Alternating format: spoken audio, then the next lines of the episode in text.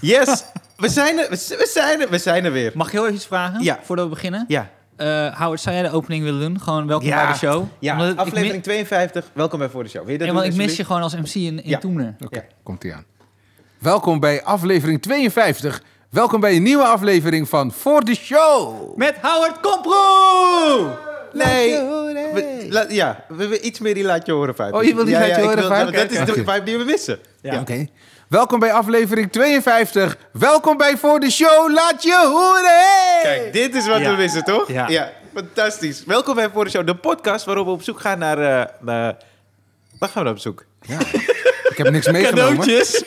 Cadeautjes. Ja, cadeautjes. Dat gaan we zo uitleggen. Ja. Maar ehm, eh, nee, we hebben, we, hebben, we hebben iedere week eh, dat we zoeken naar materiaal. Ja. Bij dingen die gebeurd zijn. En eh, actuele dingen, maar ook gewoon persoonlijke dingen. Ene week met gast, andere week zonder gast. En deze week is het dus met gast. En je hoort hem al. Het is Howard Komproe. Howard Komproe, tof dat je er bent, man. Dankjewel, man. Welkom. Welkom. En eh, sorry, dat, sorry dat het een beetje gekker begon. Want normaal krijgen we geen cadeaus. Nee, dat Maar- snap ik. Ja, ik was op tijd, maar we begonnen toch later. ja, we begonnen Weet je later. wat zo gek was? Ja. Dat eigenlijk, heb jij wel eh, meegekregen dat hij altijd te laat komt, Howard? Nou ja, ik ken hem al een Wij tijdje. zijn best wel goede vrienden, dus Howard Ik weet ken- heel goed Ik dat ken ik het fenomeen. Ik weet hoe je ermee om moet gaan. Ja, Howard gaat er altijd heel goed mee om. Half drie afspreken en dan rekenen op half vier. Weet je wel? Ah. Ah, dus eigenlijk zou dat het meest bijzondere zijn aan vandaag, dat jij op tijd kwam. Ja, Maar toen kregen we ineens cadeaus. zo. Ja. Ja, we zijn, ja, ik weet niet wat ik moet zeggen. We hebben een hele... eh, Ja, het ding is, we, we er lag een brief eerst. Er lag een brief. Mhm. En eh, dat hebben we wel vaker meegemaakt. Dat er een brief is of een kaart of zo. is altijd heel tof. Eh, maar er lag dus een groot pakket. En ik dacht, dat hele grote pakket, dat is voor Toemler. Dat hebben ze besteld hier. Dus dat is, weet ik veel, een nieuwe airco. Ik, het is heel groot, toch? Een paardenhoofd. Dat was een Een indrukwekkende doof. doos. Hè? Dat was een indrukwekkende doos Ja. van formaat. Mhm. Ja, Maar die was voor ons. dat is voor ons. En er zaten allemaal mooie cadeaus in. Maar wat voor soort cadeaus? Want nu hebben mensen alleen maar cadeaus. Ja, Ja, ja. Wat denk je daarna? Wat moeten ze denken? Boeken, chocola, bier, Hagelslag voor mij. hagelslag. Ja, Maar los van hagelslag ook ander soort chocola. ja. Ja, Oké, Alle, er zit van alles in. ja Boeken. dit is... Ja. En, en eh, een, eh, er zit één doorgeefcadeau bij. Dat is een cd Het Beste van Ali B. Wauw. Dus aangezien jij te gast bent... ja? Jij krijgt hem mee hoor. Nou, dankjewel jongens. Hadden jullie niet hoeven doen. Jij kan straks naar huis met die lijpe mokkeroflever. Nou. Ik fantastisch. dat cadeau heel snel weer door gegeven.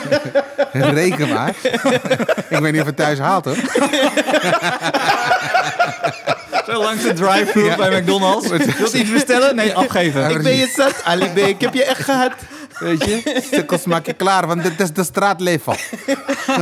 Welke, ik ga hem even pakken, want welke hits heeft hij nog? Ik heb ze nu alle drie gehad, toch? Eh, welke kennen we nog? Oh, Rampaneren, ken ik heeft wel een paar hits gehad. Hij heeft, heeft toch ook met Marco Borsato? Palmeras. Was die, was die hit met Marco? Marco? Oké, er staan er twintig op. Twintig. Ja, dat zijn er te veel. Dat zijn er te veel. Daar heeft hij een paar bij gesmokkeld. Ja, oké. oh, Marco Borsato sowieso. Oh, Ghetto natuurlijk. Lijpe Mokkeroflever, Ik ben je zat. Rampaneren. Nou, die hebben we gehad. dat zijn alle lips waar hij mee begint. En daarna komt... eh oh, Hartedief. Ja. Groupie Love. My Boy. Ken je dat Maar, Hartendief is toch gewoon Brace? Ja, het is hij, Brace hij, hij doet een ja. verse of zo. Ja, ja, want eh, eh, Marco ja. Borsato heeft hij ook gedaan. Want het is eigenlijk van Marco Borsato, Ja, toch? Jullie zijn toch heel groot fan van de stem van Brace? Dat schijnt toch heel goed te zijn? Brace vind ik Brace een heeft hele een goede hele stem. goede stem. Ja. Schijnt goed te zijn. Jij vindt Nee, wel... nee, maar ik heb geen, ik heb geen muzikale kennis. Dus ik heb niet- iedereen heeft zijn eigen smaak. Nou, nee, nou, nee, maar ik kan niet, zeg je maar... kan niet eh, onderscheiden of een stem goed is of niet. Nou, niet eh, goed en beter. Mhm. Dat vind ik moeilijk. Oké. Dus dat, ja, dat is net als dat... Maar waar de fuck luister je dan naar? Nee, maar... Nou, je hoort hoe die articuleert. Hij luistert naar spraakles les 15. Zigeuners op pad, de podcast. Niels is geen nieuws. Nee, daar ben ik nog niet. Daar ben ik nog niet. Welkom bij Niels van 18. Welke Niels? Holgersson? Nee, maar ik ben wel benieuwd. Wat, is jouw, eh, wat zit je op? Ehm, nou, wat ik veel luister... Ik, ik, ik, ik, ik luister best wel veel eh, Spaans muziek. Mhm. Versta je toch geen reet van? Dus dat is. Je... Jawel, Oh, zo'n Steven. Steven kan Spaans praten, wist je dat? Ja, Spaanse muziek is alleen maar corazon, corazon. Meer is het niet. Nou, Besame. Veel Besame. Ik hoorde jou op de radio zingen, eh Ryan. Stukje, Suavemente. Ja, ja, ja. Ja. Hoe is jouw zangstem? Heb jij ooit gezongen? Ja, maar ik, ik, ik moet dat niet doen. Ik heb net thuis nog, toen voor ik hier naartoe kwam, heb ik wat nummertjes gedeeld in mijn stories op Insta. Ja. En dat noemen we dan volle borstmodus. Dat zijn van die nummers die je lekker, weet je wel, mee kan schreeuwen. Maar mensen willen nooit dat ik zing. Zodra ik begin te zingen, kijken mensen me aan. En dan weet ik dat ik weer Maar je doet wel een beetje rappen. Je hebt, je hebt een, eh, eh, een clip zelfs gemaakt, toch? Je hebt een... eh, Oh ja? Ik heb een CD. hij heeft de- is het de EP Serieus? of een... eh, houden. Ik heb een cd. je nog geen cd? Nee, nee, nee, het is gewoon om te hebben en te met houden. replay? Zo Ja. doen wij die toren. Het waren, waren het Oh, koffers? Ja, het waren, het, dat noemen ze hertaling, toch? Dus als je tracks gewoon in een Engelstalige tracks Ja. in het Nederlands herschrijft. Ja, wij noemen het koffers. Maar Nee, maar dat noemen ze hertaling, In toch? Engeland noemen ze het hertaling. Jan Rot noemen ze dat ook allemaal Maar wat- hertaling. Maar wat luisteraars eh, misschien niet weten, Ja. is dat er wel een hele goede danser in jouw schuil gaat. Ja, nou ja. Oké, ja, ik hou van dansen, ja. ja. Ja, nee. Nee, maar- Eh, Je hebt, eh, Ja? Daar ben je ooit mee begonnen, toch? Ja, het was het eerste wat ik deed na de basisschool, of toen nog lagere school, was naar eh, MAVO voor ballet en muziek. En toen deed ik ballet. En ik heb uiteindelijk van mijn 12 tot mijn 17e vijf dagen per week balletles gehad. En ja, toen ben ik daar wel mee gestopt. Maar Waar, waar was in Rotterdam? in Rotterdam, dat was het Ja. de ballet MAVO in Kralingen. En eh, tegenwoordig heet dat Codarts en is het eh, HAVO en bla bla bla. Maar eh, ja, dat, dat is het. Ik heb eh, mijn eerste schreden op het podium waren als balletmannetje.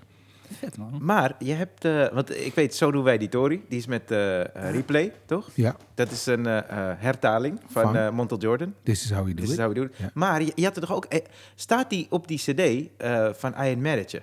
Ja, die staat op de cd. Ik ben niet boos op je. Ja, want wie, wie deed de refrein? Eh, ben niet boos. Dat is, eh, hoe heet die jongen? Ja, hij heette eerst Vet, P-H-A-T-T. Ja, Maar hij heet Ricardo Burgrust. Is een waanzinnig goede zanger. ja. Eh, hij zingt met Candy Dulfer en hij zingt met allerlei DJ's mee. Een R&B-jongen uit, uit Rotterdam. Geeft Ja. ook les daar op het conservatorium. Ja, Dus eh, Ricardo Burgrust zingt het refrein. want ik weet dat jij dat toen hebt gedaan in Carré voor Westje. Klopt, ja. Ja. Ja, klopt. Dat is wel vet, man. Thanks, man. Ja, dat was cool. Ja, Ja, dat was een, een, eh, een ode aan Wesje, omdat hij ooit begonnen is als rapper en uiteindelijk comedian Dat, werd. zo introduceer je het ook. Westje is, eh, eh, is eigenlijk, ja, eh, Jurgen Ruijman die is uit Suriname hier naartoe gekomen. Ja. En eh, eigenlijk Roué ook. Ja. Maar Westje was huge in Suriname. Ja. En eh, die begon hier ook echt door Maar is hij overleden? Dat Hij is je overleden bij een, auto-ongeluk. gewoon in de ver- verleden Ja, tijd. ja, ja. En Stand. afgelopen zaterdag was een show op tv. NPO Extra? NPO 2? Ik weet het niet precies. Ik weet dat het op Ja, tv was, ja. op tv ja. is uitgezonden, ja. Maar wat was zijn stijl dan?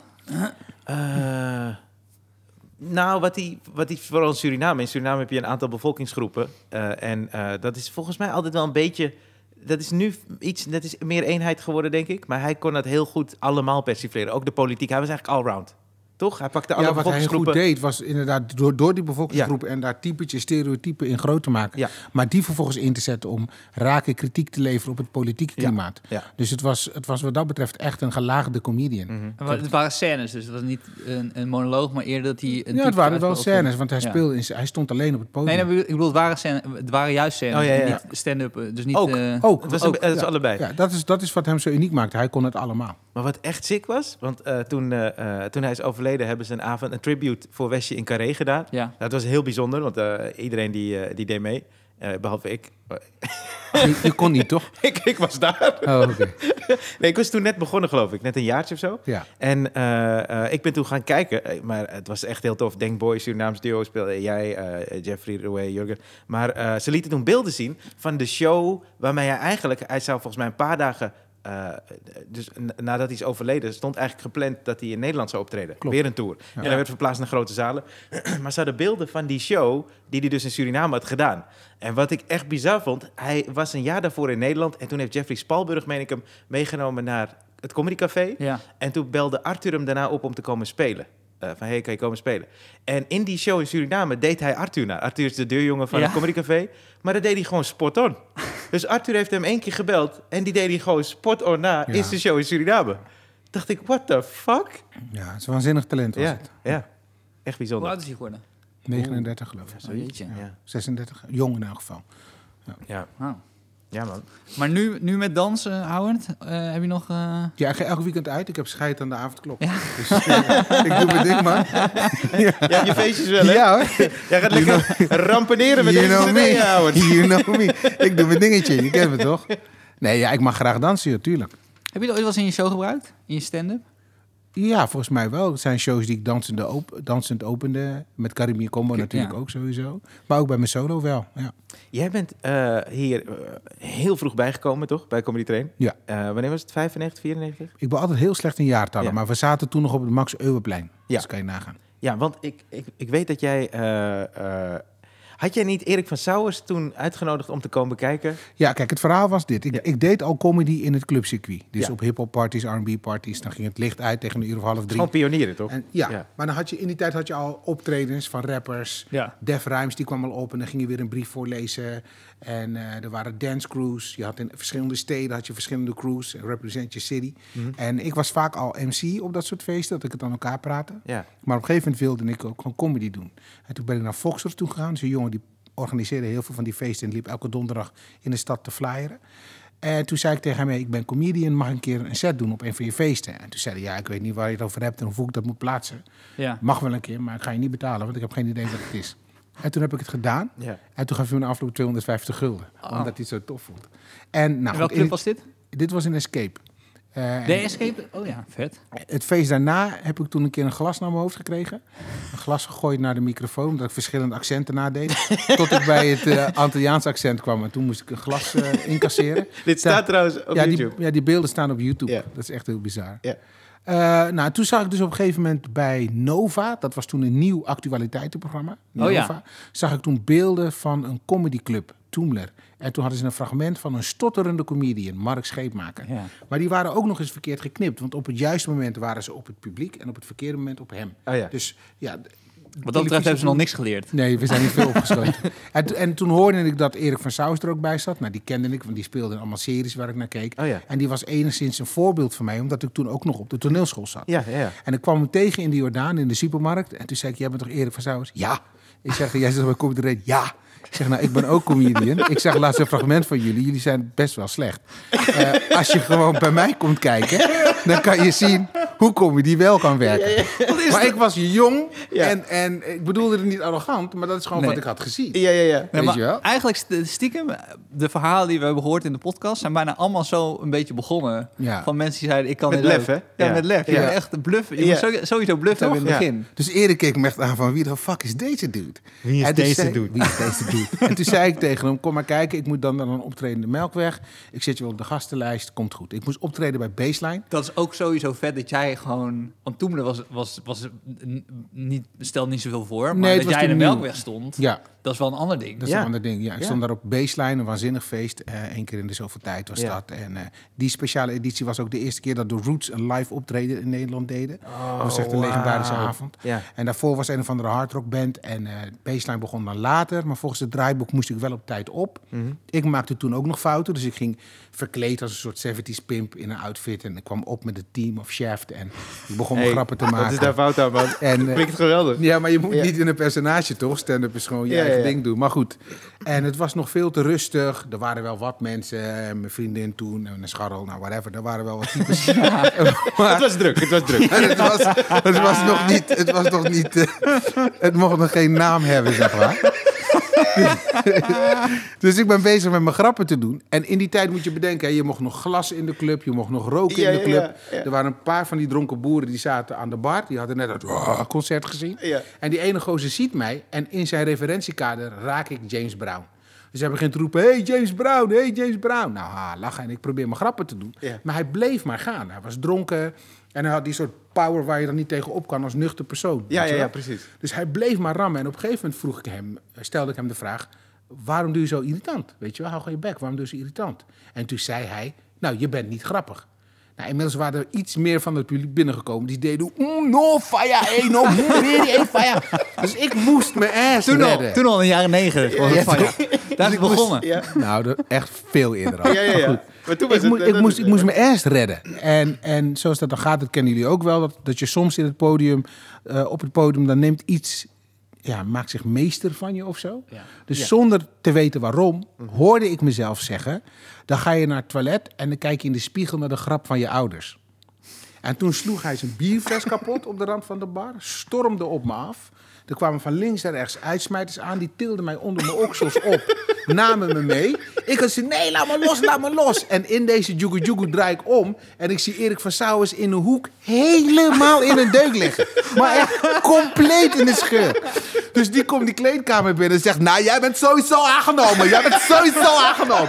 Als je vijf minuten zo'n teringzooike veroorzaakt... dan ben je sowieso aangenomen. Dus toen was ik aangenomen. Toen, was, toen zat ik bij Comedy Train. Ah, en die week daarop mocht ik gewoon de, de, de zaterdagavondlijn op afsluiten. Het was Oh, echt eh, bizar hoe dat ging. Oh man. Ah. Het is ook wel leuk dat er toen ook totaal geen structuur was van audities. Nee, Dus blijkbaar nee. is Erik gewoon naar de groep gegaan. hey, jongens, deze gast nou- is er nu bij. nou- Hij is erbij. Maar, Ja. maar toen je werd weggedragen, Ja. had je die pimp-outfit aan. Ja, Fantastisch. Ja. Had je ook een pruik op of ja. zo? Oh, dat is fantastisch. Want, ik vind, dus, eh Howard, eh, ik spreek Howard best wel vaak, maar eh, dat verhaal ken ik dus van eh, dat je die eh, verschillende stereotypen deed van Ja. de Antillianen zo. En dat hij dus een glas naar zijn hoofd heeft gekregen. ja. En toen heeft hij me wel verteld, volgens mij staat het ergens online, maar Ja. ik had het nooit gezien. En Howard is een van de beste vertellers die ik ken, dus vaak hoeven we het niet te zien. En eh, toen belde hij me een keer op, wat je was met een tram. Ja, ik, wat Ja. er gebeurde was Dit is dit. vorig jaar. Dit is vorig jaar, Ja. echt. Ik weet niet meer precies wanneer, maar ik zit in de tram. Er komt een boy binnen. We geven elkaar die hoofdknik, weet je wel. Die soort motorrijdersafspraak die wij Blakkamang hebben in het openbaar vervoer. En eh, hij komt op een gegeven moment tegenover me zitten. Hij zegt, bij jou het Komproe? Ik zeg, yep. Hij zegt, oké, weet je nog toen je in Escape optrad een keer... eh, dat je een glas naar je hoofd kreeg? Zeg, En dat is "Ja, ne- weet ik nog." 94 of eh, Ja, begin 90. zoiets. Hij zegt, dat was ik, man. Dus ik zeg, maar waarom heb je dat gedaan? 25 jaar later, hè? Ja. Hij zegt, nou ja, ik was toen met mijn matties en ik was jong en ik moest me bewijzen. En ik had een heet hoofd, mijn hoofd was heet toen. En je deed ons accent na en... Maar dit was ook een hele, dit was echt een volwassen man dus ja, nu, hè? ja. En toen zei hij ook van, ik heb het daarna wel eens op tv gezien. En toen dacht ik, shit, eigenlijk is die jongen wel goed bezig. Ik heb er eigenlijk altijd spijt van gehad. En ik heb altijd gezegd, als ik je tegen zou komen, dan zou ik je zeggen. En ik zag je nu zitten. Hij had toen nog even getwijfeld, maar ik dacht, ik moet ook mezelf aan mijn woord houden. Dus ja, bij deze kom ik gewoon zeggen dat ik het was, man. Nou, wat goed. Ja. En toen zei ik van, oké, cool, maar ben je bereid om een keer in een podcast of zo, na de show of iets, eh, met me hierover te praten? En toen zei hij ja, dus hebben we nummers uitgewisseld. We hebben wel eens appcontact, maar ik moet even op zoek naar een leuke gelegenheid. En dit, dit jaar word ik 50, dus toen dacht ik, nou, misschien is dit een leuk jaar om een aantal dingen op te lossen, Ja, op te ja. En in het kader daarvan wil ik een gesprekje met hem aangaan en eh, die beelden vertonen. Er samen met hem naar kijken. Kijken wat er met hem gebeurt op het moment dat het glas mijn hoofd bijna raakt, weet je wel. En eh, misschien kan ik daarna buiten met hem een spelletje doen... dat we iets moeten raken met een glas gooien of zo. Ik moet even kijken. Maar het lijkt me heel tof. En overigens, die, die, de eerstvolgende keer daarna dat ik moest optreden... dat was ook nog wel een ding. Want dit ging natuurlijk als een lopend vuurtje in, in die Ja. hele scene. Ik werkte toen op donderdag op de koopavond in een hippe kledingzaak... waar iedereen kwam. Maar waar werd het uitgezonden? Dat was niet YouTube. Dus de, Nee, het werd niet uitgezonden. Maar die, Nee. die, Oh, die, werd zo- 2500, die 1200 mensen die in Escape waren, vertelden het. Weet je wel. Nee, maar je bedoelt, eh, dat, hij bedoelt dat fragment van, eh, van die gast die van achter een glas gooide. Want dat is gefilmd. Dat is gefilmd. Er was een jongen in die tijd, en die Clipsteen heet hij. Die, die kwam uit Suriname. Oh, het, ja. En die verveelde zich. En die had van zijn zus een camera gekregen. En die ging toen gewoon die hele scene vastleggen. Vet. Dus die heeft eigenlijk ja. heel veel documentair materiaal over de hip-hop RB scene. Swing Beat, New Jack, New Jack, geef het een naam. Mhm. Die in de jaren 90 heel populair was. En hij heeft gewoon heel vaak gewoon de camera gewoon gedraaid en uren achter elkaar gefilmd. In de kleedkamer, op het podium, bij de kassa. Hij heeft echt een tijdsdocument.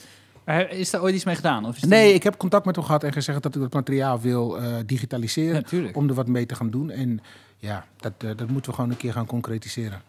Vet. Ja. Maar Maar, de keer, maar de keer daarop dat ik moest optreden, dat Oh, ja. was wel een dingetje. Want toen moest ik in Marcanti voor diezelfde organisatie Ja. optreden.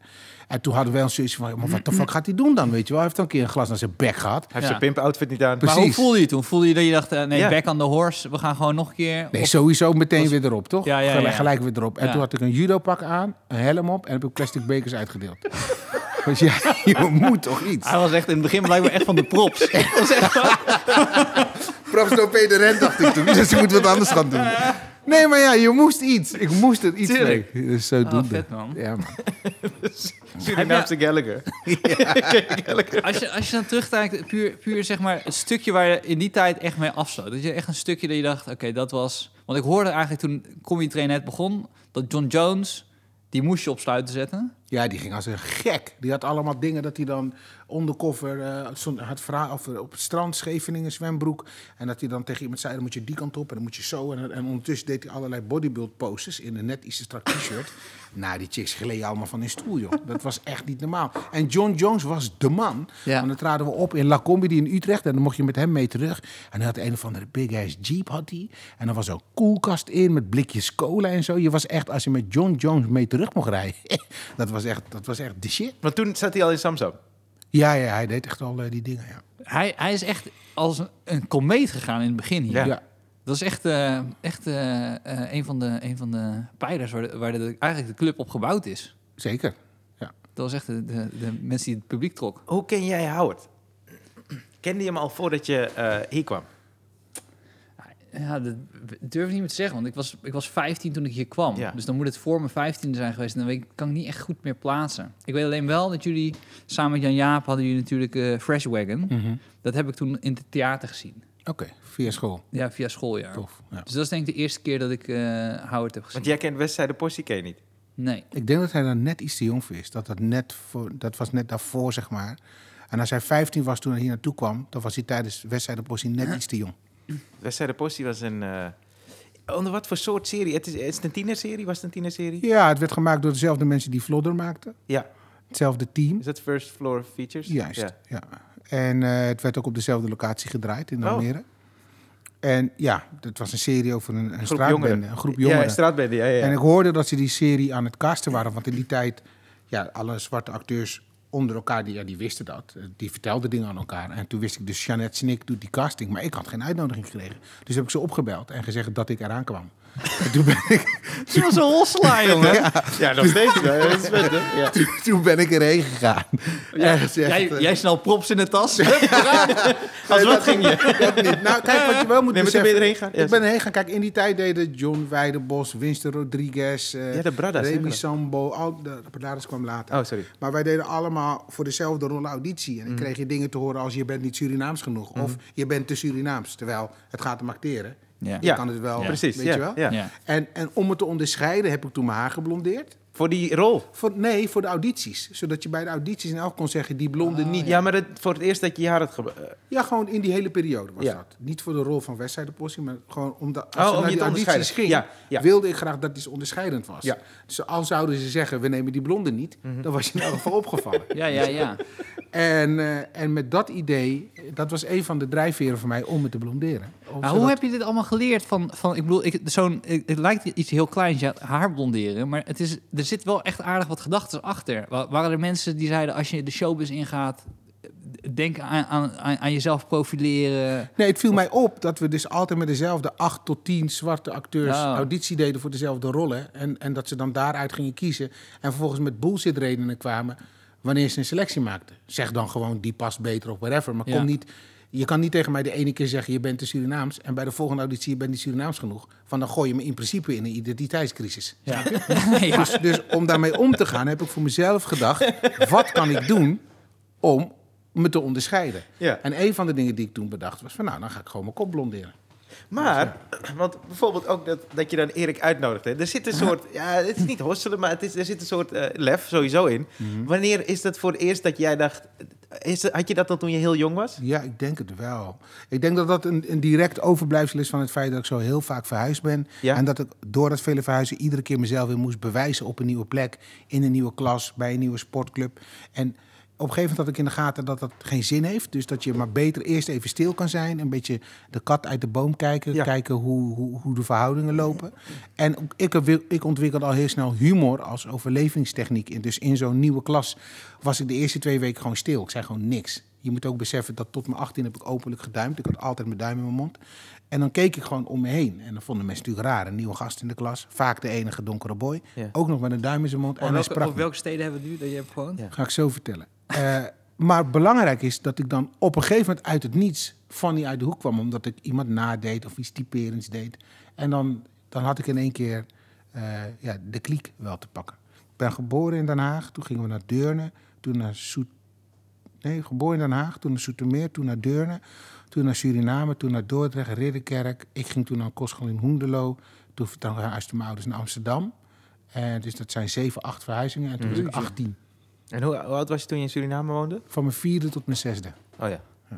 Is dat, wat, kan je daar veel van herinneren? Is dat, Nou, het eh, is kort na de onafhankelijkheid. Ik weet dat ik daar de taal heb leren spreken. Ik weet dat ik daar op de basisschool heb gezeten. Ja. Ik kan nog wel een paar dingen voor me zien uit die tijd. Het huis. Ik kan me nog herinneren dat ik op zoek ging naar een verwarming, maar die was er natuurlijk niet. nee. Eh, nou, dat soort kleine dingetjes. We hadden twee honden, we hadden pe peperplanten in de tuin, een bananenboom. Ik, als ik in Suriname ben, ga ik altijd nog even kijken Mhm. daar. Eh, en dat hek, het was een soort hek, weet je wel. Daarachter was de rest van de wereld. En nu blijkt er gewoon een klein klote hekje te zijn waar je gewoon overheen stapt. Voor mij jou als toen, kind was ja. dat gewoon, daarachter was de rest. Ja, ja, ja. ja zo. En eh, ja, je hebt natuurlijk heel veel eh ge-MC'd, ook bij eh, Lowlands, uh, ja, North Sea Jazz. Ik weet dat hij heeft... je, je, eigenlijk heb je, heb je al je favoriete artiesten aan mogen kondigen? Ja, Nou, niet- nou ja, kijk, die, natuurlijk. die geboekt zijn. Ja, ja ik Ja. heb echt eh, bijna iedereen aan mogen kondigen. En, en wat ook heel tof is, dat ik een aantal van mijn favoriete artiesten niet heb mogen aankondigen. Omdat die, eh die tourmanagers of gewoon hun, hun, hun legacy, hun held, heldenstatus toen, liet dat niet toe. Er was vroeger een festival hier op het Westergasfabriekterrein. Dat heette Drum Rhythm. Drum Rhythm Festival. En ik mocht een avond hosten. En ik was, ik was uit mijn dak. Dat was ehm, Goldie, Represent, two-step uit, eh, uit Engeland Oké. eh, The Prodigy en Ronnie Size. Dus het waren drie muzikale helden van mij. En ik was de host van dat podium. Ik had Ja. een grote bek tegen iedereen gezegd... yo, je gaat me zien, die tent, ik ben die host daar, dit, dat. Dus de eerste act van die avond, ik ga naar die tourmanager. Ik zeg, nou, ik ben Howard, ik ben hier de MC. Wat wil je horen bij de aankondiging? Hij zegt, aankondiging? Eh, Ben je gek of zo? Onze muziek begint gewoon, eh, hoeft die aangekondigd te worden. Ik zeg, oké, cool. Tweede act, hetzelfde verhaal. En Prodigy was de sluitact. Dus ik ga naar die gast van hun. Hij zegt, the Prodigy doesn't need announcement, man. It's the fucking Prodigy. Die beginnen gewoon, waar heb je het over? Eh, bijvoorbeeld Ronnie Size en Represent, die hadden een eigen MC bij zich, MC Dynamite. Ja. Dus die gast keek mij van, we hebben jou niet nodig, we hebben MC Dynamite. En, eh, en, en die andere dude, ook hetzelfde verhaal. Dus ik ben die hele avond niet op het podium geweest. Gewoon zo'n Maar- grote bek van tevoren. en gewoon niet eens met mijn poot op het podium geweest. En Lelijk zijn hoor. school en zijn chick teleurgesteld. ja, dat was wel.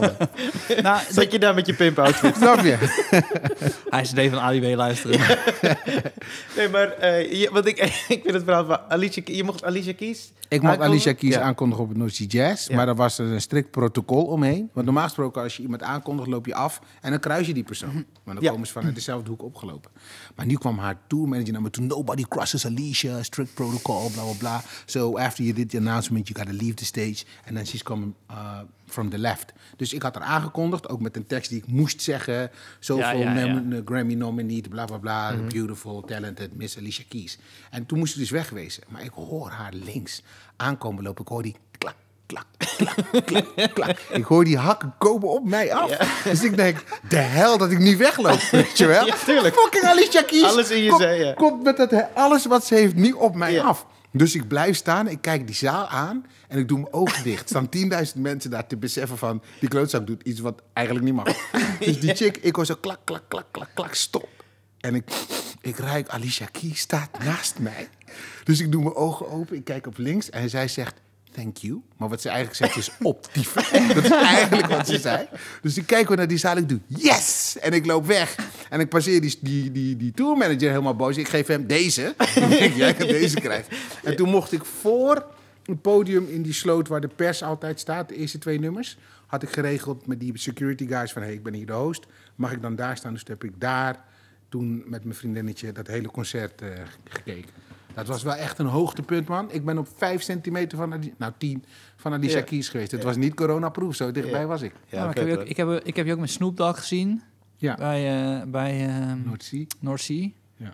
Eh, w- ik vind het altijd wel een talent van je. Dat je eh, dus net zoals dat jij vraagt, hebben jullie een MC nodig? Mhm. Je kan ook gewoon binnenkomen en zeggen, ik ben een MC, ik ga je aankondigen. Ja. Maar je weet altijd een soort van gevoel te geven... Nee, chill man. Hoe, hoe, hoe, hoe, hoe, hoe jij het wil hebben... Nou, die- bij Alicia is dat niet, maar... Ja. ehm, hoe- hoe zou je zeggen dat je dat... Als je host, wat is nou belangrijk voor een host om, om te doen? Nou, ik denk dat het Hoe belangrijkste is dat je, opstellen? dat, je, dat je de mensen het, het gevoel meegeeft dat we het samen aan het doen zijn. Weet je wel? Kijk, heel vaak is de rol van de host niet volwaardig. Je, je moet bedenken hoe vaak ik op een festival ben geweest... en dat er alleen voor de host geen kleedkamer was. Ja. Terwijl je de enige bent die daar de hele dag is, weet je wel. Mhm, mhm. Eh, dan is het fijn als er even een plek is waar je wat terug kan trekken. Maar als host ben je een soort eh, cement tussen de stenen. En is het fijn als je de mensen het gevoel kan geven dat je er voor hun bent. En eh, zeker zo'n festival wat ik 15 jaar heb gedaan als North Sea Jazz. Ja, daar kan je dat echt opbouwen. Omdat de, de, de tourmanagers zijn vaak hetzelfde. De mensen van, van de labels die eromheen hangen ook. En sommige artiesten beginnen je ook te herkennen. Heb je die gasten met die gekke brillen. Dus dat werkte gewoon wel. En, en zo creëerde je daar wel een bepaalde, bepaalde vibe. Ja, ik vind jou echt, ik vind jou echt zo in lood staan. Eh, zeker bij dat ook als comedian, maar bij dat hosten, je hebt het, je hebt het zo in de hand. En, en heb ik dat wel eens verteld die keer dat ik voor de eerste keer een kleine comedie mocht spelen? Nee. Weet je nog dat we die avond hadden, Howard, dat uh, comedy train in kleine comedie speelde met een line-up. Ja. Een soort van late night hadden we dan. We speelden dan op vrijdagavond, donderdagavond met, was het Joost Nuizel? Ja, die was toen nog directeur. die was directeur Ja, toen. Ja. Dus de eerste keer kleine comedie en ik was 19 of zo. Dat was echt een ding, weet je, wow. En ehm, helemaal zenuwachtig. Zitten we daar in de, in de coulissen, kijken naar Howard. Zit hij de metro te lezen? Dus hij is een krantje aan het lezen. Hè? En denk je bij jezelf, oh, het zal wel 20 minuten voor de show zijn. Nee, nee, nee. De, de muziek staat op.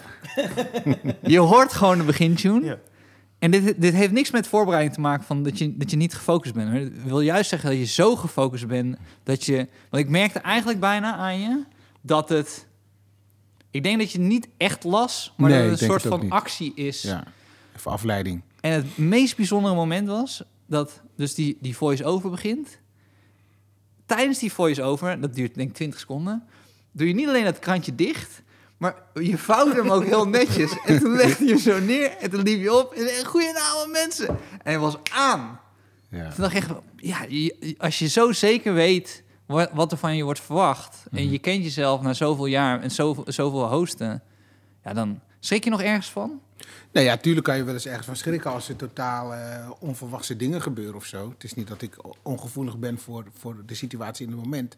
Maar ik heb wel een bepaalde zekerheid als het erop aankomt van ja, dit komt goed. Ik heb Ja. niet heel veel nodig om ervoor te zorgen dat het goed komt. Ik heb ook wel eens als ik hier te laat ben, dan hoef ik alleen maar de naam van de eerste te weten en de rest fixen we later wel. Ja. Weet je wel, dan kan ik gewoon gelijk op. En ja, zeker hier, dit is, dit is thuis man. Daarom stond ik hier laatst voor de deur te roepen van dit is mijn kerk. En, eh, en als comedy mijn religie is, is dit mijn kerk. En ja, ja, als we hier dingen doen, ook wanneer we soms van die corporate dingetjes hebben, dat de tent is afgehuurd, dan voel je heel erg dat die blauwe pakken met die bruine schoenen dan vinden van dit is onze tent. Prima, tot de show begint. Ja. En dan ben je wel te gast bij ons. En eh, ik denk dat er gewoon heel... Het komt de algehele sfeer ten goede als je als host een plan hebt. En dat betekent niet dat ik altijd 100% voorbereid het podium op ga. Maar mijn plan is wel om ervoor te zorgen dat we met z'n allen een hele mooie avond gaan beleven. En ook een unieke avond. Alles wat nu gebeurt, gebeurt alleen nu. Ik heb wel het idee soms dat jij soms juist scherper wordt als er obstakels zijn. Ja, ja, tuurlijk. Want dan moet ik, eh, moet ik in het moment daarop reageren. Want ik was naar je première van je eh, vorige show. En eh, er was een vrouw, die schijnt, vaak, die schijnt vaker te komen in dat theater. Ja. En die, die, ja, die voelt zeg maar niet per se aan eh, wanneer ze niks moet zeggen. ja, die mist een bepaalde filter. Ja, die mist een bepaald filter, ja. Ja. En, het is, en het is een première. Dus het is, Ja. eh, ja, je zit daar al eh, met, met in je hoofd van... hey, ik moet dit zo en zo doen. Maar ik had het idee dat je daardoor... Want je speelde heel, je speelde heel scherp daardoor. Ja. Dus ik had het idee, wauw, die gast speelde daar gewoon mee. En wat nog, toen kreeg ik eigenlijk bijna kippenvel. Je gaf haar eh, aan het einde jouw bloemen. Ja. ja, omdat zij ervoor gezorgd heeft dat die avond het unieke had wat hij die, die avond had. En toen dacht ik, deze gast... Ja. Want ik had het juist idee dat je daardoor... Ik weet niet zeker hoor, maar ik dacht, ja, daardoor werd je nog scherper. Waar iemand anders juist dan denkt... Ah, ja, maar het is allemaal première, dan heb ik dit er ook nog Ja, bij. Ja. Maar zou jij zeggen dat je dat, dat je dat in alles moet meenemen? Want je hebt een, een paar voorbeelden gegeven van uiterlijk die je dan unieker maakt. Gewoon stand-out. Vind je eigenlijk dat als je allround artiest bent, dat je al die facetten, dat je overal rekening mee moet houden? Om het bij te dragen aan dat unieke gevoel? Ik weet niet of het moet, maar ik weet dat het voor mij wel werkt. Ja. Ja. En, en iedereen is anders, hè? Ik bedoel, Nee, klopt. Maar ik weet dat, dat... Ik had in mijn tweede show had ik gele schoenen. Mhm. Omdat eh eh regisseur Dat je zei... die van- trein nog niet had. nou, maar wij hebben ook een geschiedenis als het gaat om. wij hebben ook een geschiedenis als het gaat om jouw schoenen, weet je nog? Toen we in Limburg een keer optraden.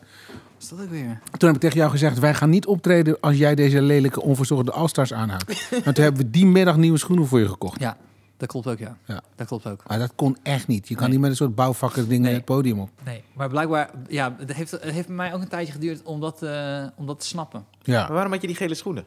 Nou, gewoon om het, want even te zeggen, hey, ik heb de, de show voorbereid. Hè? Ja. Ja, maar Dat dat, is ja, het is echt een Maar dat heb ja. ik echt Ja, laat ook ge- pas gerealiseerd. Ja, ja, ja. Dat je Maar je opkomt. communiceert echt iets. Ja, ja, ja. ja, Het is heel subtiel. Ja. Sommige mensen pikken het misschien niet eens op. Nee, maar het gaat erom dat je maar het gaat erom ja. dat je dat... Je, je, je loopt niet normaal gesproken op gele schoenen. Nee, precies. Nee. Ja, ja, ja, Ja. dat is het. Oh, oké. Ja, ik snap Ja. het. En Ja. dat is dat ding wat je ziet bij grote Amerikaanse muzikale acts. Zoals bijvoorbeeld een Earth, Wind Fire. Dat heb ik natuurlijk gezien, ook al die jaren dat ik het Noordse Jazz presenteer.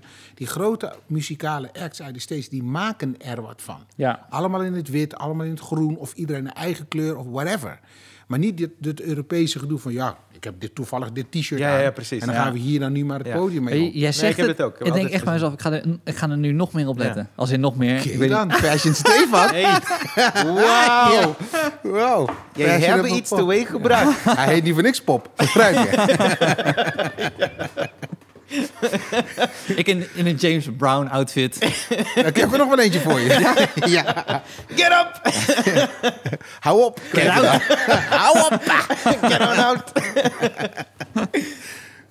Hey, Nee, kom maar-. Hey, hey, ik, ik las een eh, eh, krantenbericht. Ja. Die las ik eh, gisteravond. Die moet ik toch eventjes eh, eh, delen met jullie. Ja. Er is een eh, moslimpartij. Die Ja. heeft zich, eh, heb je er van, van, van gehoord? Gelezen? Je bedoelt met die piemeltaart? Nida? Ja. Ja. Ja. Het is een partij van de Lullig. eenheid. Oh, je, je weet het? Nee? Oh. Is het Nida? Die Eh. moslimpartij is toch Nida? Uit Den Haag? Nee, maar dit gaat om iets anders. Oh. Dit gaat volgens mij voor de eh, Tweede Kamer, Partij van de Eenheid, conservatieve moslimpartij. En ze zijn in verlegenheid gebracht, omdat de nummer drie van de kandidatenlijst, die bakt al jaren piemeltaarten. En die, verko die verkoopt ze in haar bakkerij. Maar, maar zij was eerst lid van de PVV, als ik me niet eh, vergis.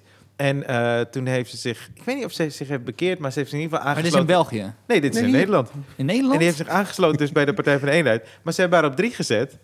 Maar je googelt toch iemand? Ja. En- nou, maar je googelt niet Jessica Piemeltaarten. Nee, maar volgens mij als je deze chick googelt, kom je al vrij snel bij die piemeltaart. Ja, die piemeltaart zijn niet pagina 3 van Google of zo, toch? Ze doet er niet lullig over. Ja, ja. Maar dit, ja, nou ja. Ik dacht, dat check je toch gewoon even. Het is gewoon simpel even googelen, toch? Stel dat ik jou een piemeltaart zou, zou geven, hè? Ja. Waar zou jij als eerste beginnen met eten? Eh, ik zou hem niet eten. Dus je zou het niet eten? Nee, je kan toch die piemel eraf halen, want die is van marsepein. Je kan die Ja. piemel eraf halen en aan die, aan die taart Ja, oké, dan zou ik dat doen. Ja. Ja. Maar ik zou niet... Maar aan wie geef je die piemel?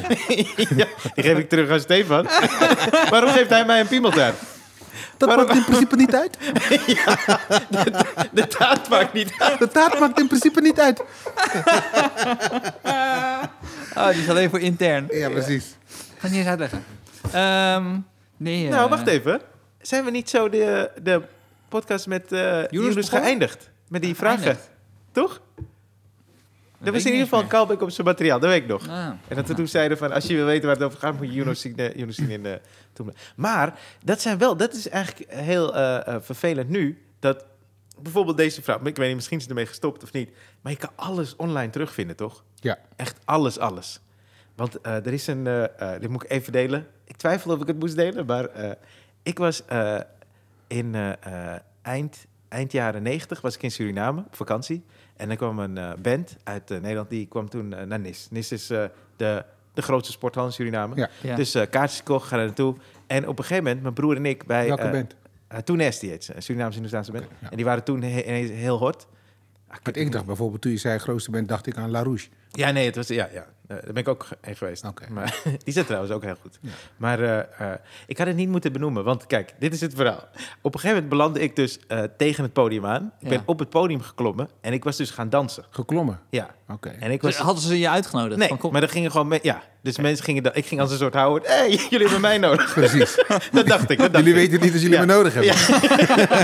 Achteraf bleek dat zij gelijk hadden. maar ik, ik zat dus op het podium en op een gegeven moment deed ik de robot. Oké. Maar was dit nuchter? Dit was allemaal luchter. Was je 15? Ja. Ik was, wel- ja, ja, ik was 15. Oh, serieus? Ja, ja, ja. Oh, nou, dan, dan vind ik het nog oké. Oké, dan vind ik nog best oké. Gelukkig. Iedereen een volwassen vent en dan ineens een robot. Nou, het is dat de corona is. Maar eh, eh, nu vorige week had ineens een eh, omroep van Suriname. Die eh uploadt ineens allemaal dingen van de jaren 90. En gisteren hebt mijn beste vriend en die zegt... hey, eh, waarschijnlijk eh, gaan ze meer uploaden. Dus ik zeg, nou, als ze die shit maar niet uploaden. En nou, wat krijg ik vanochtend? Dat meen je niet. staat fucking online. Ja, dat is kut, Dat man. moet je wel even delen op je, op Nee, man, nee, Tuurlijk wel. Nou willen Dat we het zien. Ik weet niet of je er opent, maar je ziet me wel dansen op het podium. Ja, maar dat is toch leuk? Ja. Ik vind het helemaal niet leuk. Oké, 15. jij vindt het niet leuk. Maar je kan toch begrijpen dat wij het leuk vinden Ja. om een jonge Ja, op een podium te zien. Dat- Ja, Maar je, hebt nu zo. ook, je hebt nu ook context gegeven. Ja, Ja. dat is waar. Precies. Dus als je het niet erop zet, dan gooi je wel ander compromitterend Ja. materiaal. Het zal wel nog wel ergens iets, toch? Heb je trouwens, want je, eh, je had er ooit een programma gepresenteerd op, eh, was het Veronica? Dat je eh, een soort, het was niet, het waren geen audities, maar het publiek mocht mensen, eh, Het heette Gaan of Staan. ja, En het is eigenlijk een voorloper op die talentenprogramma's van nu. ja. Zeg ik in alle bescheidenheid. En mensen mochten doen wat ze willen. En het publiek bepaalde of je mocht blijven staan of dat je moest gaan. Ken je dat? En als mensen gingen joelen, ja, dan moest je dus weg. Weer de gongshow. achter, Beetje eh, gongshow. ja. Maar het was ja. wel allemaal verschillende dingen, toch? Ja, er mocht van alles, verschillende disciplines. Ja, dus mensen kwamen met honden die op twee benen kunnen lopen, zingen, goochelen, whatever. En waren er veel mensen die gingen joelen? Ja, als iets niet goed was, dan ging die hele zaal uit zijn plaat. Dat was echt te gek. Maar dat je dus ook mensen die dan deden alsof ze doof waren en dat niet hoorden. Of mensen die deden alsof het gejuich was. Dat is helemaal zo'n Trump-achtige mensen. Die dan weg werden gejoeld, maar dan deden alsof er, alsof er werd gecheerd. Ja, maar sommige mensen hebben zo'n bord voor hun kop. Dat weten we ook met de open podia van mensen. Ja. Dan, ja... Soms kan je tegen iemand zeggen, hé, hey, dat was niet goed. Mhm. En je zegt, ja, dankjewel man. Dan denk ik zo, nee, maar hoorde je dat ik zei, het was niet goed. Ja, ja, ja. Maar die zegt dan, dankjewel man. En dan komen ze de, de maand erop weer, doen ze exact hetzelfde. Ja, ik vind het soms moeilijk hoor, ook hier op, bij het open podium, de, de houding van mensen. Omdat soms zie je iemand gewoon tijdens zijn, zijn set wakker worden van, oh shit, het is Ja. toch even anders dan ik Ja. had gedacht. zo. En dan is het moeilijk om, eh, om dat gesprek aan te gaan. Jij hebt veel eh, open podia ge-MC'd hier, toch? Ook. Mhm, Eh, eh, eh, wat is het allerergste dat je hebt gezien? Nou, het, het is niet zozeer het allerergste wat ik heb gezien. Er zijn twee dingen die me, die me zijn bijgebleven. Eén keer was een van de kakboy. En die had de helft van zijn familie meegenomen. En die waren allemaal voor hem aan het juichen en zo. Die Oh, deden echt ja. alsof het fantastisch was. Mhm. Terwijl toen ik opkwam, toen zei ik van ja, maar dit sloeg helemaal nergens op. Want als je normaal je hebt niet altijd je kinderen of kinderen de crew bij je, toch? Om, Mhm. om te beoordelen of het. Nadat hij had niet. opgetreden? Ja. ja. Zet, wordt een hele spannende carrière. Dat jij steeds iedereen mee moet nemen om je het gevoel te geven dat het goed ging. En eh, iemand die op, tijdens de set realiseerde van... kut, dit is toch anders dan ik me had voorgesteld. En die kwam toen na het optreden naar me toe. En die zei toen, wat zeg je, nooit meer doen of meteen stoppen? Toen dacht ik, ja, maar je bent nu zo in de war... dat je zelf niks meer door hebt wat je zegt. Weet je? Die was zo, die zat zo vast Maar in zijn onbewuste ik is spot on, toch? ja, gedaan, of ja. niet? Die was zichzelf zo aan het beoordelen dat hij helemaal klem zat daarin. Wat zeg jij? Nooit meer doen of meteen stoppen? Van ja, mag ik hieruit kiezen, ja? Kunnen we hier de titel van de aflevering van maken?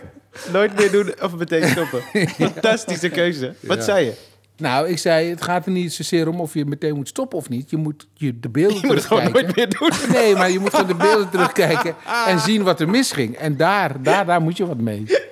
Ik probeer wel altijd constructief te Nee, zijn. weet ik. Ja, ja, nee, weet ik. Weet ik Ja. Nou, maar er is ook dus een grens. Want dan probeer je constructief te zijn en dan merk je gewoon dat iemand denkt, omdat je constructief bent, oh, we zijn ergens naar op weg. Ja. Dat vind ik lastig eraan. Ja. Oh ja. Dat komt een beetje, denk ik, omdat we nu ehm, toch iets, iets liever zijn eh, naar, naar, naar, naar mensen die om open podium komen. Want ik heb het gevoel dat dat... Vroeger was dat echt wel anders. Dan, dan, zelfs een open podiumkandidaat werd echt finaal afgebrand als het niet goed ging. ja. Die, dat cultuurtje is niet meer zo sterk. Nee, maar dat heeft. Ik denk dat dat ook een van de gevolgen is van bijvoorbeeld een fenomeen als social media. Omdat zo iemand nu meteen een platform heeft om te gaan roepen: ja, ja, ze zijn oneerlijk geweest of onaardig Oh, geweest. ja. Vroeger was dat niet. Nee. Dan nam je je blues mee naar huis Ja. en dat was het. Ja, ja ik, eh, ik, zit de laatste week heel erg eh, into Patrice O'Neill, man. Ik eh, vind hem fantastisch. Ja. Echt, ik, ik, vind hem altijd, ik heb hem altijd goed gevonden. Maar ik zit nu uren interviews te luisteren, artikelen te lezen en zo. Want Heb je het gevoel dat als je, als je dan meer van iemand checkte, dus niet alleen zijn optredens, maar ook interviews en gesprekken, dat je zo'n comedy anders bekijkt? Ja, zeker. Ja, ja, ja, ja zeker. Ja, Ja, dat is ook de reden voor mij om dit interview te doen. ja, ja. ja. So far ja, zo gaat het heel goed. Ja, ja, ja. Je merkt wel altijd door alles heen funny bone. Toch? Ja, ja, ja. ja. Ja. Altijd, je voelt dat hij gewoon Ja. schakels maakt die wij niet maken. dan. Ja, ja, ja, ja, precies. Ja, maar hij is iemand die op zoek is altijd naar, Ja. naar de grap. En, en ehm, hij, hij bekijkt het vanuit een natuurlijke lief, lief... Hij heeft liefde voor de grap. Ja, maar ook eh, zoveel kennis zit erin met zoveel overtuiging. En dat Ja. was echt zo. Dus het, eh, ik, ik heb meestal dat, eh, ik weet of jullie het ook hebben, als je dan nieuw materiaal hebt, dan moet je zelf een beetje aan gaan wennen hoe dat dan in de context is op het podium. Mhm. En dat is schaven, toch? Dat je eraan gaat schaven. Bij hem was ook in die radioprogramma's waar hij zat, het was in één keer vol de volgaan. En Bill Burr die, die vertelde dat, dat ze dan bij de Comedy Cellar, eh ze hadden daar een tafel, net als dat we hier aan de tafel zitten. En eh, Patrice O'Neill, Rich Voss, Bill Burr en Kevin Hart. En, dan, eh, en ze zeiden, ze waren elkaar de hele tijd alleen maar aan het fucken. Dat was zeg maar de liefde. Maar wat ze dan ook wel eens deden, is dat ze dan zeiden... je hebt een nieuw stuk. Gingen ze dat stuk helemaal kapot maken. Want Het stuk is echt kut. En dan moet je het nog doen, hè? Wauw, wauw, wauw, wauw. Ja, dan moet je dat stuk gaan doen. ja, maar hij zei, dat zorgde wel voor een soort klimaat daar... waardoor ze allemaal scherper werden. Ja. Maar dat is ook hun manier van destijds liefde tonen. In plaats van heel zacht met elkaar zijn. Want Ja. er is zo'n verhaal dat Kevin Hart op het podium stond... en dat de producer heel telefoonboeken begint te gooien naar het podium. En eh zei Oké. Kevin Hart, wat doe je? Toen zei hij, ja, deze boeken zijn grappiger dan wat jij nu aan het doen bent. Wauw, ja, ja, zit ook op. Is jou. oké. ja. Maar dat is dus wel een heel ander klimaat, toch? Eh, Ja, Ik, ik, ik had laatst dus ook een interview gezien over Patrice O'Neill. Dat hij dus één keer een avond vrij had genomen. Heb je die, die gezien? ja, Dat ze toen met Ja. z'n allen naar zijn huis zijn gegaan om hem op te halen. Van, vrij? Serieus? Echt waar? Wanneer is ineens vrij op zaterdagavond? Godverdomme, kom gewoon mee. We gaan gewoon stand-uppen. Dat is maar, maar- gewoon... ja, maar ook daarin, je voelt daar ook wel weer gewoon liefde in. Ja, Ja, ja, ja, ja, ja, dat is heel veel liefde. ja. Ja, en hij, hij gooide, eh, er is een heel vet fragment van eh, Bill Burr en Patrice O'Neill. Ze hebben drie maanden ooit ruzie gehad, omdat eh, Patrice die belde naar een radiostation waar Bill Burr was. En hij moest iets doen met comedy. En eh, Bill Burr die maakte een soort opmerking waarbij hij hem een beetje fuckte. En dat trok Patrice niet. Dus daarna hadden ze ruzie. En toen hebben ze bij Opie en Anthony hebben ze die twee allebei aan de telefoon gezet. En elkaar laten uitvechten on air. Echt waar? Ja, maar daarin hoor je dus twee mensen die heel boos zijn, maar eigenlijk heel veel van elkaar houden. Oh, wat dus gaaf. dat is die liefde toch, die Ja, er altijd ja, onder ja. zit. Dat Maar is je- schoolplein ding van geef elkaar een handje. Ja, ja, ja, ja, maar ze gaven elkaar geen handje. Maar je hoort wel op een gegeven moment, ze houden wel echt van elkaar, maar ze zijn Maar boos. hebben jullie niet het gevoel dat je dat af en toe, als je kijkt bijvoorbeeld naar een roost... Want daar komt eigenlijk de roost een beetje vandaan. Ja, ja, ja, zeker. Ja. Dat je dat mist als je er een commerciële versie van Ja, maar maakt. dat komt omdat in die commerciële versie is geen echte liefde. Het is geen echte liefde, nee. Dus, En je dus- kent elkaar ook niet echt. Nee. Dus los van de er liefde worden, ken je dus er worden mensen bij elkaar gehaald om, om te cateren aan het plaatje of het idee van wat de producers hebben aan van nou dat zal nou wel scoren of zo. Maar ja, het is, het is neppie. Het gaat, Weet je nog dat we hier een keer een roost hebben gedaan van Arie Boomsma? ja, Was je erbij? ja. Wist je dit? Ja, ik wist het wel, ik was er niet bij. Ik was bij Hadden Najib. Toen Najib hier werd geroost. We hadden hier zo'n... Ja, een jeep ook geroost? Mhm. Oh, niet eens Dat is meer. funny, man. ja dat is ook een tijd geleden Was je, allemaal. er, was je daarbij? Ja. Ja. ja. Maar bij... eh, bij eh, dat, toen was... ehm, eh, Thomas Acta was toen MC. En die wist niks van roosten. Oh ja, ja. Helemaal niks. Of, of heb ik dit al een keer verteld nee, in de nee, podcast? Nee, nee. Dus eh, ik, mo ik mocht... Tenminste niet dat ik weet, straks krijg ik weer berichtje. We krijgen altijd berichtjes. hè. Dus hij heeft het wel verteld, jij wist het niet. Nou ja, goed. Ja. We hebben nu Maar ja, die mensen luisteren toch ook weer? Ja. Dus ja. Stuur gewoon cadeaus. We willen cadeaus hebben. Oh, we hebben zoveel cadeaus gehad. Zoveel cadeaus. Moet even de persoon bedanken die die eh, cadeaus heeft. Graag gedaan, jongens. Het duurde even voordat je hier te gast was. Hij helemaal verkleed, foto maken, naam verzinnen. Eh, nee, Thomas Acta was toen MC, maar die wist niks van de roost. Dus wat je doet bij een roost, je komt op, je maakt eerst twee grappen over de roostmaster, Mhm. dan over de andere mensen die meedoen, en dan kom je natuurlijk bij degene Ja. om wie het gaat. Ah, ja, ja, ja. Dus ik kom zo op.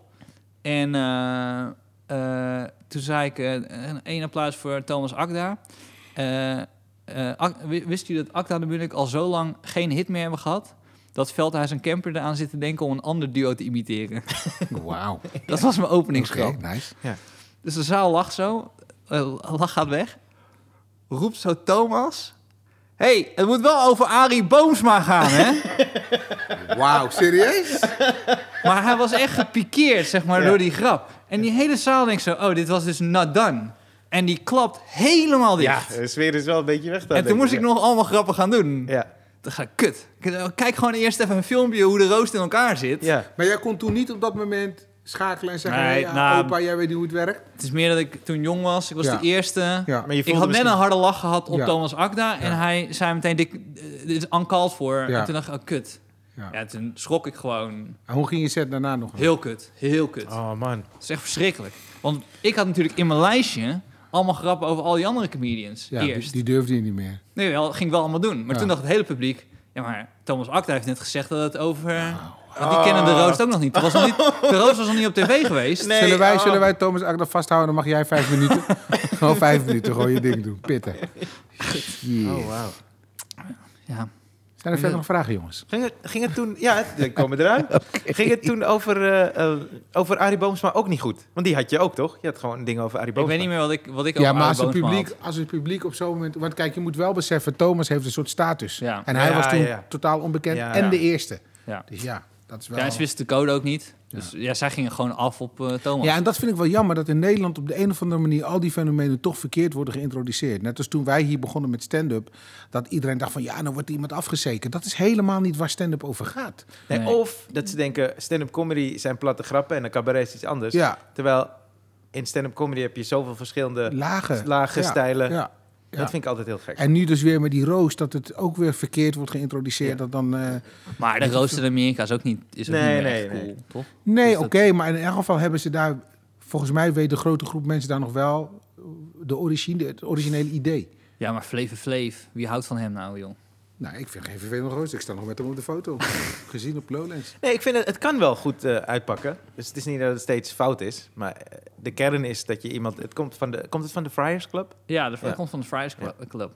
Maar die, die, echt, die echt die oude, waar zo Richard Pryor aan Mhm. meedoet en zo. En eh hoe heet die, die, die kale vent ook weer, die dan altijd... Kojak.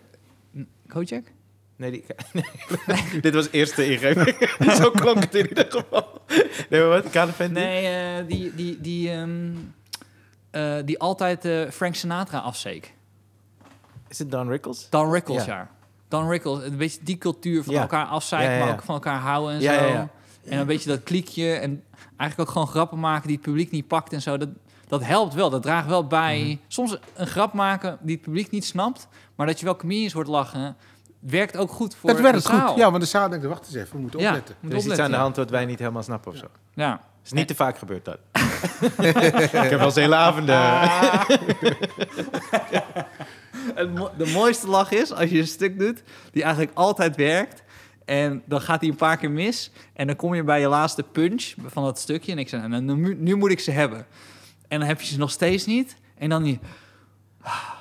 En dan zet je dat volgende stuk in. En dan hoor je een lach achterin. Ja, één comedian. Eén comedian. Die weet, nee, je ging helemaal mis. En Oh, nou moet je echt gaan pompen. Laat het nu maar zien. ja. Ja, maar het is toch lekker, man. Het is wel lekker die avonden dat je gewoon echt aan het werk bent, weet je wel. Tuurlijk zijn de avonden dat het je voor de wind gaat, Ja. die zijn fijn. Maar het moment dat je het podium afloopt met één kletsnatte eh, rug op je t-shirt van... kut, ik moest echt aan de bak en het is gelukt. Ja, dat is ook echt, echt, echt priceless. Wat is de meest lastige omstandigheid waarmee je op het podium hebt gestaan? Of oh, überhaupt, misschien was er geen eens een podium.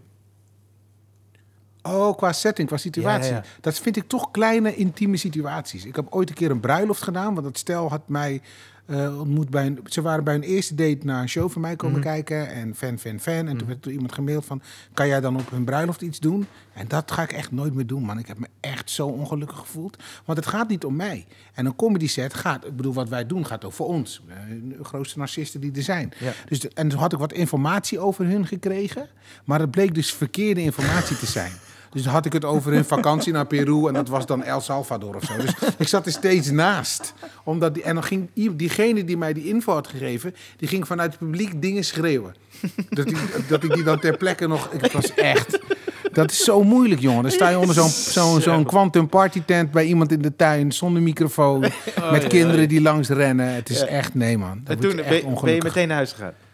Eh, volgens mij waren het niet veel lekkere chicks, dus ik ben gelijk weg. Het is altijd awkward als je moet blijven. Ja, toch? het was En verschrikkelijk. dat mensen je ontwijken Ja. met hun blikken. Ja, of, of, dat, zeggen, dan- doe je- of- wat ja, doe je of dat iemand dan heel geïnteresseerd een gesprekje komt voeren, Oh, alleen maar om de erg. pijn. Ja, en dat doet al zoveel pijn, toch? ja, dus ik had zoiets van, nee, ik moet gelijk weg. eh, sorry. Hey, maar zonder corona, hoeveel avonden was jij, was jij gewoon thuis? Dat je, dat je niet iets had? Want je hebt of presenteren, of je stand-up, Mhm.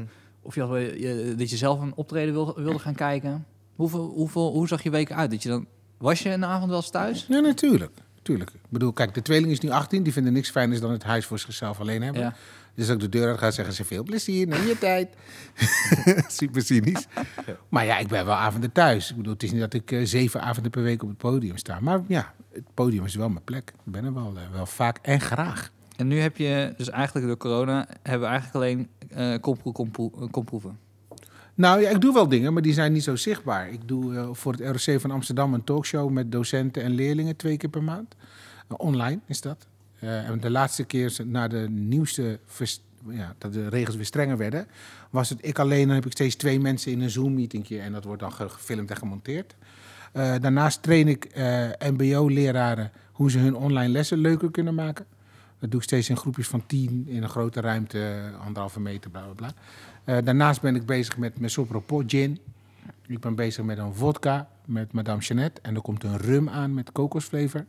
Eh, andere drankjes. En ik ben eigenlijk dat hele komproeven ding aan het opzetten... dat als het straks allemaal weer losgaat... Ja. dat ik gelijk kan rollen met, eh met Oh, dus je, je bent nu aan het opnemen en dat zend je niet uit. Nou, het zijn niet alleen... Komproef is meer dan alleen de filmpjes. Ik Oh, ga ja. ook kooklessen verzorgen. Ik heb een aantal live events die we gaan doen. Dus ja, er komt meer aan komende zomer. De barbecue battles in juni, juli en augustus. Dus ja, van alles. De Hosselen is echt nooit eh, weg, weg, weggegaan. Nee, man. Ja, maar ja, goed, echt we zijn, eh, we zijn zelfstandig ondernemer. Nee, is ook Ja. zo, is ook zo. Ja, Maar ik heb, ik heb nog nooit meegemaakt dat jij stil zit. Nee, nee. Oprecht niet. Nee. We, we gaan naar de questionnaire. Is er een question? Er Oh ja, de een questionnaire. Ja. Maar ik ben heel benieuwd. Ik ben eigenlijk nog nooit zo benieuwd geweest naar, naar de antwoorden van de questionnaire als vandaag. Oké. Eh, moeten we nog heel even benoemen dat we ook een opdracht hadden gekregen? Ja, laten we dat ook even doen. Ik, ik wil even nogmaals, want er staat echt een grote doos met al die cadeaus. Ja, dat Ik echt, het had echt niet Het gehoeven. heeft, me, het heeft me wat kost. Nee, maar, dat is echt niet normaal. Wat er allemaal in zit, joh. Dat is echt, echt super, maar benoem super dan wat erin zit. Want Ja, jullie zijn zo vaag over drie boeken. chocola en boeken. Drie boeken, Ja? eh, Hey, veel de blauwe lamp. Wat betekent dit? questionnaire. Oké. Drie boeken, eh eh eh, paar pakken hagelslag, Ja. chocola zit erin, er zit Ja. bier in. eh, wat zit er nog meer in? Die kaarsen. die kaarsen hebben we ook. Maar wanneer gaan we die chocola eten dan? We? Volgende week zijn Steven en ik hier weer alleen. Weet ik dat. En onze technicus heeft ook een cadeau gehad. Er is aan iedereen gedacht. eh dat is echt ontzettend Ja, lief. iedereen, iedereen. Ja, nee, ja. het was voor de vijftigste. weet ik wel. Wist hij veel. Nee, maar het is, of, zij, Nee, ik weet niet wie, we hadden nog een van wie, andere, van wie is nog het? een brief gehad. Van Taha, ja. Taha. Taha, ontzettend bedankt. Had je echt niet hoeven doen. Maar het is ontzettend lief. Ook een lieve brief erbij. Ja.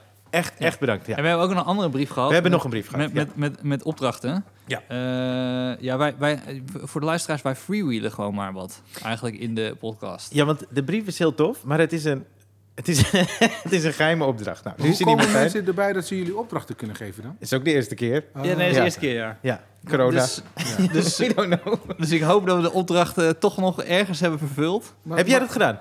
Eh, ga de opdracht was dus, kan jij goed freestylen?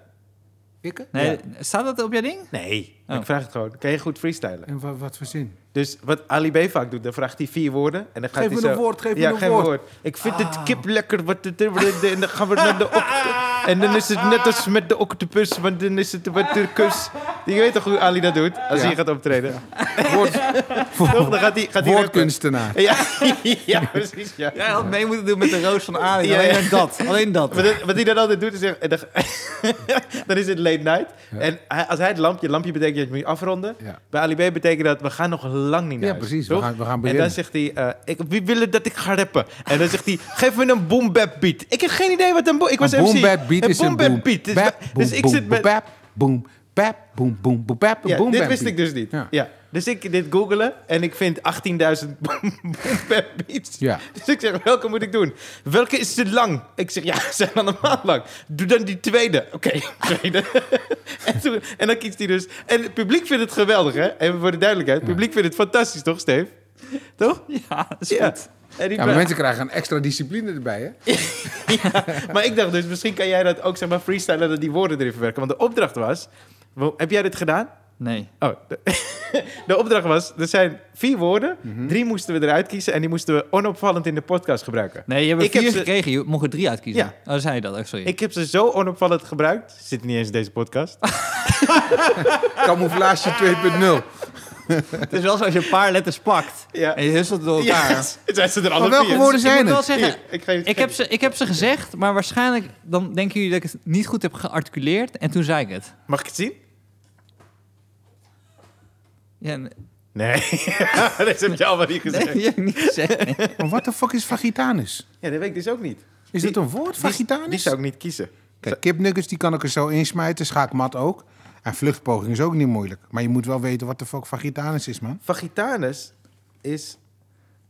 Jezus. Eh, Ja, maar het is wel... Ik, ik bedoel, ik vind het leuk voor een keertje. Maar we, eh, ik vind het leuk van de podcast is dat we gewoon... Ja, we doen maar wat.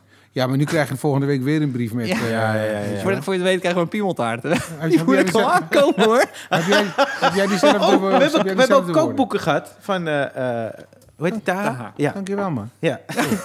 Wat zit hier nou? Heb jij dezelfde woorden gekregen, Steven? Nee, ik heb andere woorden gekregen. Wil je zien? Ja, graag. Pak jij de questionnaire erbij? ja, die heb ik hier... eh, Bagatelliseren, sloddervos, briezensletje en gla- glabella.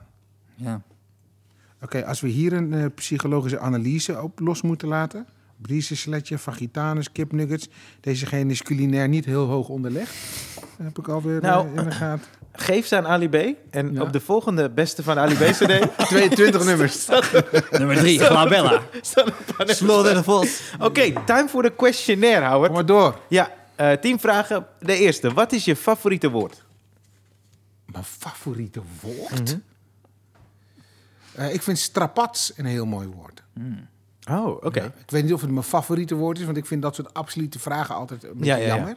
Maar strapats vind ik echt een fantastisch woord. Ja. Wat is je minst favoriete woord? Betalen.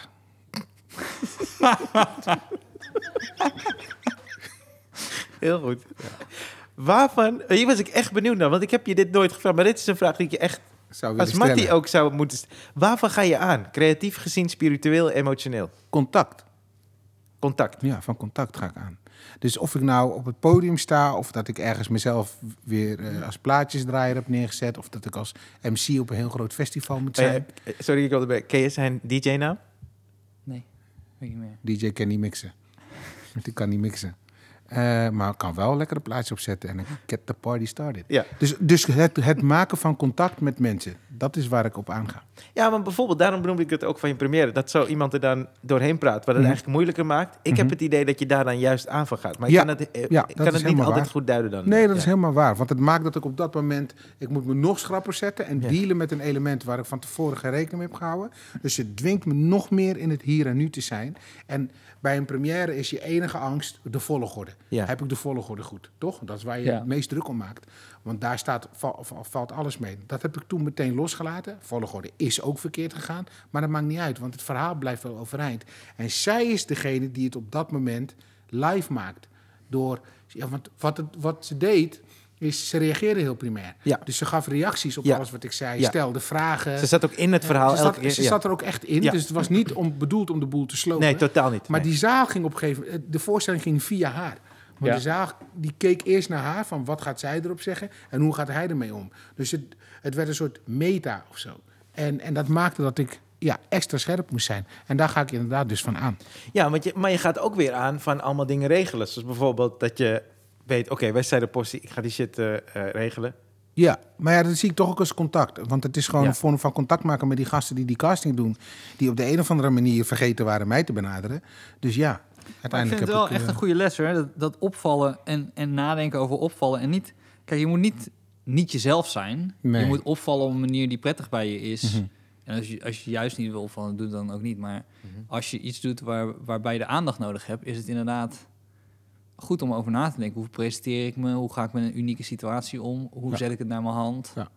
Hoe creëer je eigenlijk ook een unieke situatie? Want dat is eigenlijk uiteindelijk hoe we stand-up maken. Is we doen wel hetzelfde materiaal, maar inderdaad, als je de avond uniek weet te maken, en daar moet je echt voor openstaan. Dat kan, kan een dingetje zijn in het publiek, of dat je zelf denkt, oké, ik ga eh, dit verhaal ineens heel anders vertellen. Ja, maar je kan het ook halen uit een gesprekje. Ja. Want, want je weet van tevoren toch nooit hoe zo'n gesprek Nee, gaat. precies. Ja, en dan klopt. kun je wel beslissen van ik ga dat, dit en dat vertellen.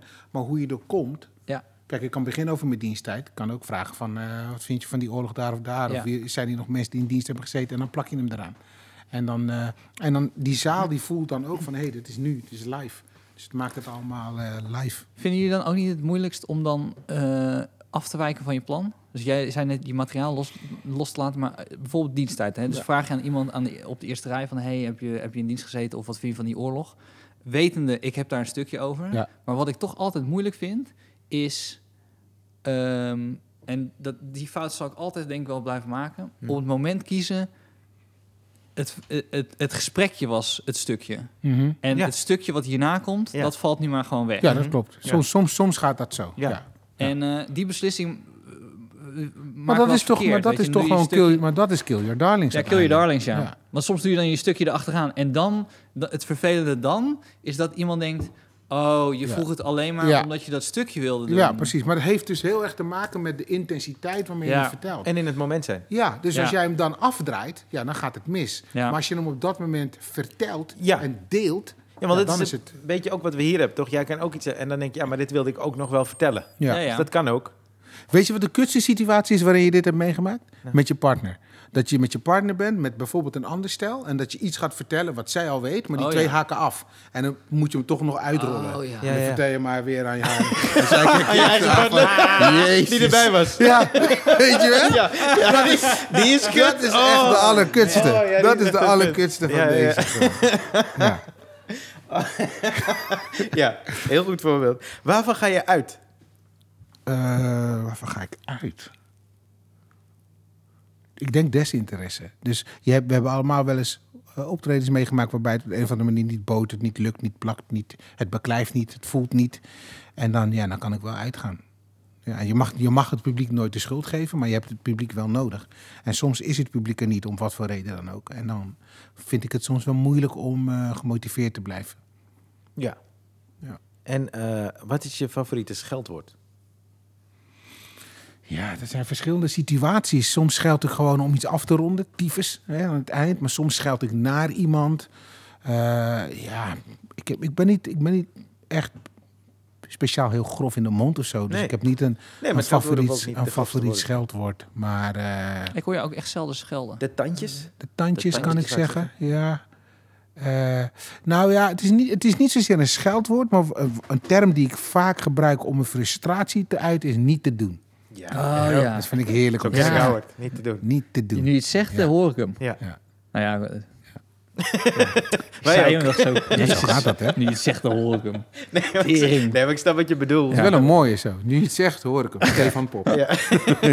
oh, er is er iemand die, die zet wel eens quotes van dingen die Ja? we zeggen op een soort quote Tegel. site. Oh, Dit goed. is er eentje. Ja. Ja. Die het zegt, hoor ik hem. Ja, Maar als, dat is weer het ding. Als Johan Cruijff dit had gezegd, Fantastisch. was het, was het een quote die iedereen kende. Ja, toch? Ja. Ja, als je het zegt, dan hoor je dit. Iedereen die dan... eh, ah, ja, dat zei Cruijff, hè? Als je het zegt, dan hoor je Cruyffiaans. dit. Ja, Cruijffiaans. Dat is Cruijffiaans. Maar Poppiaans, hè? Nee. Dat geldt niet. Nee. Maar dat komt ook omdat Cruijff niet daarna zei... Nee, dat sloeg nergens op. Dat Nee, precies. Ja. Cruijff zei, en dit slaat echt Ja, wel ergens ja, op. Nee, snap je? Ja, ja, ja. Als je het niet snapt, ben jij dan, toch? Ja. Oké, eh, eh, wat is je eh, lievelingsgeluid? Mijn lievelingsgeluid? Ja. Zo, hij is wakker. Wat Ja. fuck? Die ogen wijd. Ja, dat is mijn lievelings... Ik denk de stemmen van mijn kids. Oké, ja, mooi. Ja. Ja. Eh, wat, welk geluid haat je? De stemmen van... Alles is relatief, toch? Hou je bek! Goed, goed. Welk beroep, anders dan het beroep dat je doet, eh, eh, zou je hebben willen doen? Of wil je doen? Nou ja, eh, plaatjes draaien misschien, maar ik denk dat ik... Ja, maar dat doe je ook, Ja, hè? precies. Ik denk dat als ik, als ik geen comedian was geworden, denk dat ik voor de klas had gestaan.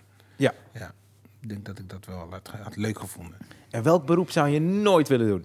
Iets met de kantoorman, dat je gewoon elke dag op dezelfde plek hetzelfde moet gaan doen voor iemand anders. Heb je- Helemaal geen zin in. En ik snap ook niet waarom die mensen geen joggingpak aan hebben. Als je dan toch de hele dag daar zit, doe dan Mag een niet. joggingpak aan. Maar dat mag niet. Nee, vaak hebben ze van die goedkope pakken aan, toch? Met bruine schoenen. Ja. Zitten ze in de tram al toneel te spelen. Maar goed, doe rode joggingpak aan. Heb je ooit een kantoorman gehad?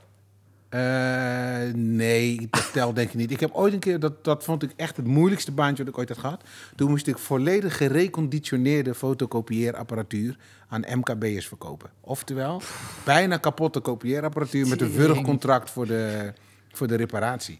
En dat vond ik, ik wist dat ik mensen aan het naaien was. Ja, dus ja. dus Ja. het ging gewoon niet. Het ging gewoon niet. Hoe lang heb je dat gedaan? Ja, echt een Zeven paar weken. jaar. Nee, een paar weken. zit ik verkocht Ja, ik ben vorige maand... eh, Nee, maar goed. Kijk, toen ik bijvoorbeeld in die kledingwinkels werkte of in die schoenenwinkels werkte, dan was, was ik altijd een van de topverkopers. Omdat je dan mensen live, mensen staan Ah, naast je en je kan ze iets verkopen en zo.